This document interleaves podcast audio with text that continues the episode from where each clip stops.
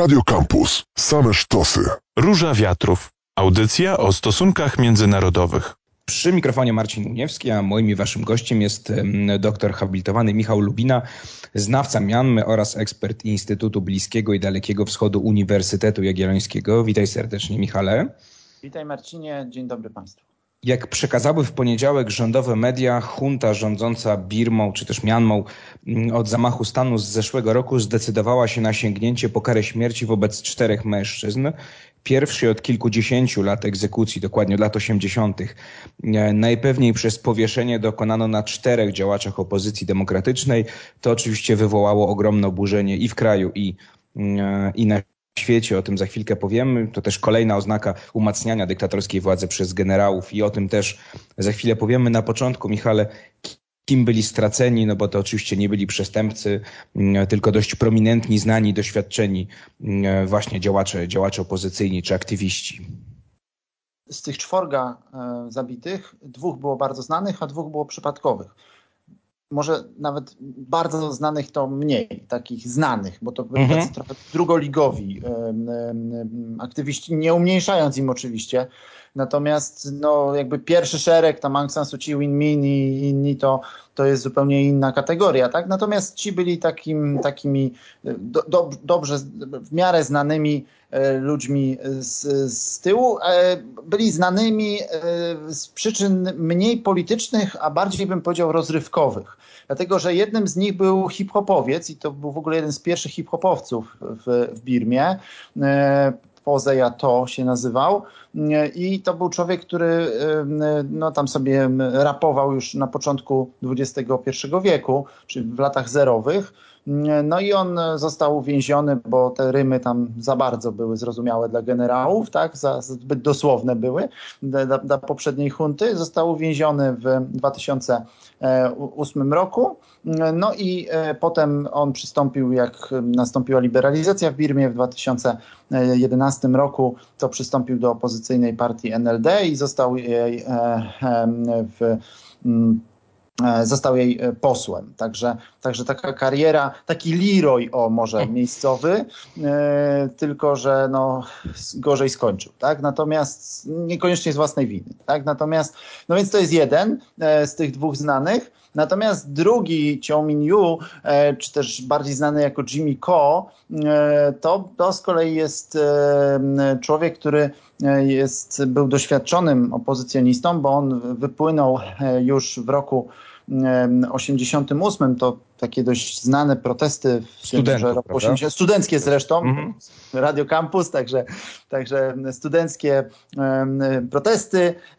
Polecam sobie odsłuchać, jest taka piosenka Kaba Maciebu, e, która jest coverem Dust in the Wind. To jest piosenka, która jest, e, która jest hymnem tych, tych, tych protestów w 88 roku. Jest, muzyka jest właśnie z Dust in the Wind, a tekst jest birmański. Nam jest taka bardzo poruszająca. Natomiast, natomiast to były wielkie protesty z tego w 1988 roku, one, one no, wstrząsnęły, nie zmieszały generałami, to znaczy jeden z ówczesnych generałów rządzący, czyli Neuwin, został zmuszony do rezygnacji, ale inni generałowie rozstrzelali protesty i utrzymali, um, utrzymali władzę. No a ten, a tenże, um, a tenże e, Jimmy Ko był, e, był przez długi czas um, no, dość znanym opozycjonistą. E, i e, on generalnie też był kilkukrotnie aresztowany, siedział w więzieniu, także, e, także to, był, to była ciekawa postać. On jest o tyle, o tyle jakby też ciekawy z przyczyn rozrywkowych, czy może literackich nawet, dlatego że tak jak tamten był hip-hopowcem, tak ten był tłumaczem dzieł literatury anglosaskiej, między innymi przetłumaczył Kod Da Vinci, także Dana Nie wiem, czy to jest dobrze, czy źle, tak? Natomiast również jego Anioły i, i Diabły. Natomiast sam też napisał książkę no, Księżyc nad jeziorem Inle oraz to jest chyba najbardziej zabawne, dlatego że napisał książkę jak taki poradnik, jak zdobywać przyjaciół. I to, to, to, to był bestseller w ogóle w Birmie. Także, także był z tego powodu znany. To jest w ogóle długa tradycja, dlatego że w latach 50. ówczesny premier birmański e, UNU, zanim stał się premierem, to przetłumaczył e, bestseller Dale'a Carnegie How to Win Friends and Influence People. E, także, także to widać w Birmie, te, te pisanie poradników, jak żyć, ma długą tradycję. Może być. E, Michale, a ta druga, a ta dwójka mniej znana, jak mówisz. Ta dwójka mniej znana to Hlam Yong e, i Ong Turazo e, i to są ludzie, którzy w zasadzie trudno powiedzieć, dlaczego akurat, e, akurat ich również połączono z tą dwójką. No najprawdopodobniej był to przypadek. Zasadniczo ich powieszono za, czy zabito, prawdopodobnie powieszono, tak jak powiedziałeś na początku, za to, że, że zabili in, kobietę, która miała być TW reżimu, czyli informant, miała być, informować o, o, o tych, o, o, ruchach wojsk, o ruchach e, opozycji. No i, e, no i w efekcie oskarżono ich i zabito. Jeszcze dodam, że to tych dwóch pozostałych, tak? Natomiast e, oficjalnie jakby ten, tych, tych dwóch tych dwóch bardziej znanych, tak, czyli Pose Yato i, i, i Jimmy E, i Jimmy Ko, no to oni zostali skazani oficjalnie za terroryzm, e, ale to jest charakterystyczne, że jakby junta birmańska ma bardzo szeroką definicję terroryzmu. Moglibyśmy w ogóle długo porozmawiać nad definicją terroryzmu, tak? Natomiast, natomiast no zasadniczo e, uznaje się, że to są jakieś działania pozaprawne, uderzające w cywilów. No i to, co mieli zrobić ci dwaj, e, no, nie mieści się w tej definicji, dlatego że tam chodziło o zasadzkę na, na, na, na, na, na, na policjantów e, reżimowych, e, no i w których nie zginął nikt z cywili. Także, także to, to, to, to, to, nie, to nie jest jakby, to się przynajmniej w tej najbardziej podstawowej definicji terroryzmu nie, nie, nie mieści. Natomiast to nie ma żadnego znaczenia, dlatego że obie strony walki politycznej w Birmie wzajemnie nazywają się terrorystami, z tą różnicą, że junta jest silniejsza, więc może sobie właśnie złapać ludzi i ich powiesić. No i, i to właśnie zrobiła. Po co to generałom? Bo to oczywiście wywołało, tak jak powiedzieliśmy, oburzenie nie tylko w Birmie, zapytam cię zaraz, jak zareagowali Birmańczycy, ale także oczywiście na całym świecie Stany Zjednoczone, ONZ potępiły działania e, generałów. Po co to było w takim razie, w tym momencie teraz? Czy jest jakiś powód, czy, czy po prostu postanowiono jeszcze dokręcić śrubę i to jest po prostu kolejny krok? Znaczy, jeżeli byśmy to racjonalizowali, to oczywiście ten drugi element, to co powiedziałeś, czyli dokręcić śrubę, pokazać, że możemy, i zrobimy. Po, możemy ich powiesić, to ich powiesimy. Natomiast no, kuszące jest, że tak powiem, wyjaśnienie takie alegoryczne, a mianowicie zapewne znasz, słuchacze też prawdopodobnie jest taka stara rosyjska bajka, która jest pierwotnie perska, ale przeszła rosyjska o, o tym, jak to, jak to skorpion prosi żabę, żeby tego przepra przeprawiła na drugi brzeg e, rzeki czy też jeziora. No i ta żaba mówi, że przecież ty nas zabijesz, na co skorpion mówi, no jak was zabiję, no to boję utoniemy. No i wtedy żaba się zgadza i tego skorpiona no, płyną razem i w pewnym momencie skorpion ją zabija. No i oboje toną. I pytanie, dlaczego to zrobił? No bo taka była jego natura. No i taka jest generalnie natura generałów birmańskich. Oni tak mają, no, że, że, że się nie przejmują światem, że rozumieją tylko i wyłącznie język siły, no i zasadniczo mają ochotę e, pokazać wszystkim, że, że, że mogą zrobić cokolwiek e, im się tylko podoba. Żeby była jasność, to e, z tym światem jest to o tyle istotne, że zakulisowo apelowali o wstrzymanie się z tą egzekucją zarówno Chińczycy, jak i Japończycy czyli dwie najważniejsze, dwa najważniejsze państwa w Birmie. E, no, nie liczę tam Zachodu, bo to nie ma większego mhm. znaczenia. Natomiast, natomiast, zasadniczo, natomiast zasadniczo, że Chiny i Japonia apelowały, to ma znaczenie. No i co? No i tak ich powiesili. Także zasadniczo, zasadniczo generałowie po prostu tak mają, światem się nie przejmują, bo dla nich ważniejsza jest ta logika wewnętrzna i e, jeszcze większe zastraszenie społeczeństwa. Bo zwróćcie uwagę na, na to, że to jest uderzenie właśnie w, w drugi albo trzeci e, szereg opozycjonistów. Czyli e, nie w Suci, nie w Winminta, nie w tych najważniejszych, tylko właściwie w takich, kim może być praktycznie każdy Birmańczyk. I to jest bardzo czytelne jakby danie e, sygnału, że jeżeli pójdziecie do ruchu oporu, no to możecie zginąć. To, to, to nie skończy się tylko i wyłącznie na, na więzieniu, na, na jakichś robotach czy, czy na innych pobiciach, czyli w wersji light w, w Birmie, no tylko się może skończyć również po prostu powieszeniem. Także, także jest to bardzo czytelne, żeby była jasność, to na tych czterech się prawdopodobnie nie skończy, bo według różnych szacunków od 116 do 140 jest e, takich osób, które czekają na, e, na, e, na, na karę śmierci. No i problem też zarówno z tymi czterema, jak i z wieloma innymi jest to, że tak na dobrą sprawę my nie wiemy, czy oni to, tego dokonali, tych, tych, tych, tych, tych zbrodni, no bo, no bo jakby sądom birmańskim wierzyć się nie da, tak? Mhm. Po prostu nie, nie, nie, nie, to jest sąd kapturowy, to by w ogóle był komplement dla tych sądów, także, także, to, to, także w dużej mierze no, trudno tutaj e, za mało cetungiem można powiedzieć, szyszeć oszy, tak? Szukać prawdy w faktach, ale, ale, ale nie ma tych faktów, nie wiemy jakie były fakty, nie wiemy czy, czy oni naprawdę zaatakowali na przykład ci, ci, ci dwaj teraz, e, czy zaatakowali ten, ten, ten, ten pociąg tam, gdzie byli ci policjanci, czy to jest wymysł, więc, więc zasadniczo e, tu, tu jest problem związany z, z, z generałami, natomiast no, te fakty tutaj są w sumie drugorzędne wobec istoty politycznej, polegającej na tym, że jest to bardzo czytelne zastraszenie społeczeństwa. Na zasadzie takiej, że każdy, kto idzie do, do ruchu oporu, może zginąć. Według BBC liderka opozycji Aung San Suu Kyi była zasmucona doniesieniami egzekucji. No to są oczywiście nieoficjalne doniesienia, na które powołuje się BBC. Pytanie właśnie, Michale, co się z nią dzieje? Ikona oporu przeciwko wojsku na Zachodzie krytykowana za to, że nie, po, nie potępiła, też o tym kiedyś w Róży Wiatrów rozmawialiśmy, mm, e, ludobójstwa na ludzie Rohingya w Birmie.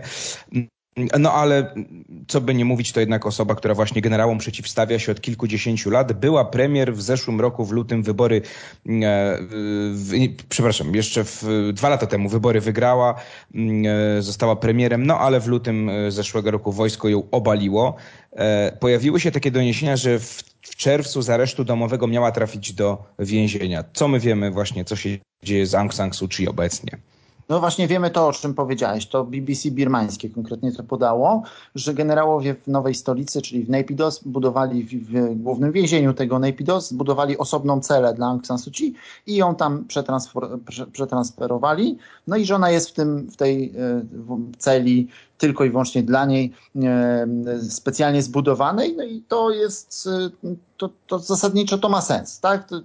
jakby, jak pomyśleć, co mogą zrobić generałowie z Aung San Suu Kyi, to właśnie to mogą zrobić. To, to jest bardzo czytelne zagranie. Jakby większość komentatorów od początku była zgodna, że, że w tą stronę to pójdzie, czyli sfingowane zarzuty oraz zamknięcie Aung San Suu Kyi e, w, no, da, tak naprawdę na dożywocie. Oczywiście nie dadzą jej dożywocia, dadzą jej tam po pięć razy po, po trzy lata albo, albo coś w tym duchu, to, to, to znowu nie ma większego znaczenia. To, to, ten sąd może jej dać 70 lat, a może jej dać 7 miesięcy i tak to nie ma żadnego znaczenia, bo, bo, bo sądy nie mają absolutnie żadnej, żadnego autorytetu w Birmie, więc, więc tak na dobrą sprawę to jest, to znowu są didaskalia. Natomiast istota jest taka, żeby tą Suci um, zamknąć, odciąć od polityki i żeby ona swoich dni dożyła w zamknięciu, no w wersji, że tak powiem, bardziej humanitarnej, jak generałowie się zorientują, że Suci już umiera, to może ją wypuszczą na kilka dni przed śmiercią, żeby nie było, że umarła w więzieniu. Natomiast zasadniczo cel jest bardzo czytelny. Sucima e, ma być wyeliminowana z polityki i ma dokonać swojego żywota na pewno politycznego, a prawdopodobnie też fizycznego w, w, w więzieniu, ale też zwracam uwagę na to, że, że jest, to, jest to bardzo typowe zachowanie dla generałów.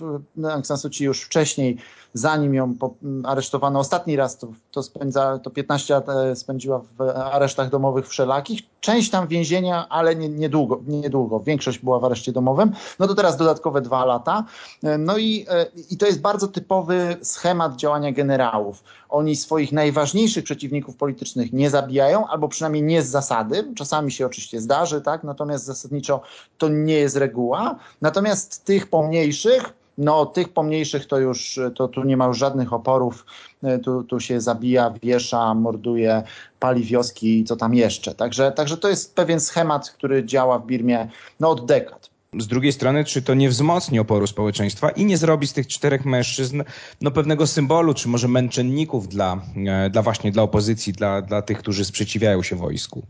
Męczenników zrobi na pewno, natomiast Birmańczycy męczenników to mają aż za dużo, nawet mają Dzień Męczenników 19 lipca, także ten taki kult, martyrologia polityczna różnych, różnych e, postaci, które zginęły za sprawę tą czy inną, to jest e, no, bogata, także, także bez wątpienia ci dołączą do, do kanonu politycznego, więc to jest jasne e, I, i co do tego nie ma żadnych wątpliwości. No jeśli chodzi o Birmańczyków, to to nie wiem, 95-97% społeczeństwa uważa, że generałowie są absolutnymi zwyrodnialcami i że zasadniczo to, to, to po prostu jest kolejny numer, który odstawili. No jakby tego się po nich można spodziewać. To znowu ten, to, do tej anegdoty o Skorpionie wrócę, że no, taka ich natura. Także, także jakby bez większego zdziwienia to, to Birmańczycy zareagowali na to. No oczywiście z oburzeniem. To oburzenie ma zasadniczo dwie formy. Jedna formę to są, to są protesty, ale w takim duchu flash mob, bo, bo już bardziej otwarcie się nie da, więc, y, więc takie hongkongijskie trochę. No, a inne to jest oczywiście w mediach społecznościowych, ale też nie do końca z otwartą przyłbicą, dlatego że, że junta dostała w międzyczasie wsparcie od Chin w tutaj w kontrolowaniu internetu i, i coraz, coraz szczelniej to tą, tą pętlę zaciska nad społeczeństwem. No, także zasadniczo no, przeważa wściekłość i gniew i takie jakby, no, jakby wiadomości czy przekaz, że się zemścimy i, i, nie darujemy wam tego. No ale to w dużej mierze są słowa, dlatego że jak pytasz mnie, czy to nie wzmocni oporu. No, no opór jest bardzo silny, natomiast on wciąż jest dość daremny, dlatego że tak jak żeśmy kilka razy chyba wcześniej rozmawiali, zasadniczo przed Birmą stoi, i to od dobrych półtora roku, alternatywa despotia albo anarchia. No, despotia to jest oczywiście, jeżeli generałowie utrzymają władzę i, i zaprowadzą swoje, swoje rządy, które właśnie wyglądają tak, jak widać, tak? Czyli, że czterech ludzi powiesili od tak. No ale alternatywą jest anarchia, to znaczy mamy teraz ponad 100 różnych bojówek, które to, bo nie, nie, liczę partyzantów etnicznych, którzy walczą z huntą od wielu dekad, tak? To jest jakby zupełnie inna mhm. bajka i tego, tego w ogóle nie liczę. Mówię tylko stricte o Birmie birmańskiej. No więc, no więc zasadniczo mamy ponad 100 różnych ugrupowań, które się zabawnie nazywają PDF, y, to znaczy, że to jest Pidu Kagweye Tatpue, to jest po birmańsku, ale po angielsku jest People's Defense Force, co daje skrót PDF, także mamy tutaj wojownicze PDFy w Birmie, no więc te, te, te ludowe siły samoobrony e, w, w, w Mianmie są, e, to zasadniczo są bojówki o mniejszym lub większym stopniu przeszkolenia wojskowego. No i w sporych obszarach kraju toczy się regularna walka, no, powstanie narodowe de facto przeciwko huncie. No ale one kończy się tym, że ta hunta tam najczęściej kieruje dodatkowe oddziały, samoloty, samoloty helikoptery bombardują wioski. Często to jest w ogóle są helikoptery rosyjskie, żeby było ciekawiej, albo broń jest rosyjska wszelaka. No i e, palą wioski, mordują koło popadnie i tak dalej, ale, ale w wielu też miejscach nie są w stanie przy, przywrócić tego, tej, tej, tej, tych swoich rządów, więc mamy anarchię. No i pytanie, co jest lepsze, tak? Czy co jest gorsze, tak? Bo to, to jest absolutnie tragiczne pytanie, tak? Czy ta despotia, czy, czy anarchia? No ale zasadniczo po półtora roku od kiedy trwa de facto ta, ta walka, no to ci powstańcy nie zbliżyli się do tego, żeby tą huntę, żeby tą huntę pokonać. No zasadniczo to oni na pewno nie wygrywają. Junta kontroluje najważniejsze miasta, ma owszem problemy w wielu obszarach kraju, natomiast no dalej ma inicjatywę strategiczną i dalej, e, i dalej e, e, nie pękła, więc, więc zasadniczo na ten moment junta jest silniejsza.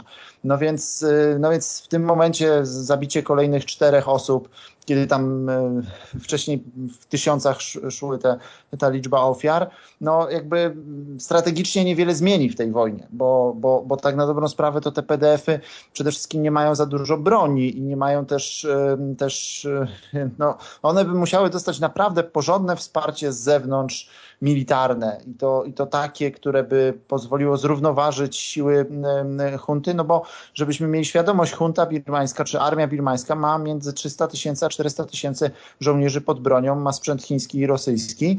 Natomiast te PDF-y, no to jeżeli jest ich 10 tysięcy, to jest dużo. Partyzantów etnicznych wszelakich jest 70 tysięcy, natomiast oni są inną kategorią, bo część z nich jest dogadana z huntą, część się ze sobą bije, a część się bije wszyscy ze wszystkimi, więc, więc to jest inna większość, tak? Natomiast, natomiast same PDF-y, no to to jest, to, to, to, to, to, to może to jest jedna dwudziesta, tak? Tej, mhm. tej armii. O, może, może. Także, także to, to zasadniczo to, te, te, te powieszenie tych ludzi niewiele, niewiele zmieni. No, w, w, utrzyma wściekłość, tak? Ale generalnie Birmańczycy i tak, tak nienawidzą tej armii, że już bardziej się nie da, więc, więc jakby... Do no... tego dodajmy tylko dochodzi wsparcie ze strony Chin i Rosji na arenie międzynarodowej, co też umacnia oczywiście pozycję, pozycję wojska. Michale, króciutko, dosłownie dwie minuty nam zostały. Nie, lubię takich pytań, bo nie chciałbym, żebyśmy wróżyli, ale jakby, co musiało się stać? Czy jest jakaś szansa, żeby ta e, taka mm, tak jak była ta droga demokratyczna, wydawało się, że ona zaczyna kiełkować gdzieś tam w te dwa lata temu po wyborach. Jest, co by musiało się stać, żeby, żeby wojsko, nie wiem, oddało władzę, czy, czy, czy, czy jakoś zliberalizowało mm, swoje rządy? Ten ten ostatni raz, kiedy tak się stało, to był rok 2008, wtedy y, gigantyczne tsunami zniszczyło niemal Birmę, no i wtedy wojsko faktycznie zaczął się ten proces y, takiej delikatnej liberalizacji. Czy coś w ogóle, czy, znaczy, czy to jest w ogóle możliwe? Może w ten sposób zapytam, już kończąc ten długi wywód, żeby coś się teraz zmieniło oczywiście w, na, na lepsze w Birmie, czy to będzie teraz kolejne dekady rządów wojska? No, wydaje się, że będą kolejne dekady. Natomiast no, pamiętajmy to słynne zdanie Paula Wolfowica, że niespodzianki w stosunkach międzynarodowych zdarzają się tak często, że zaskakujące jest to, że nas ciągle zaskakują.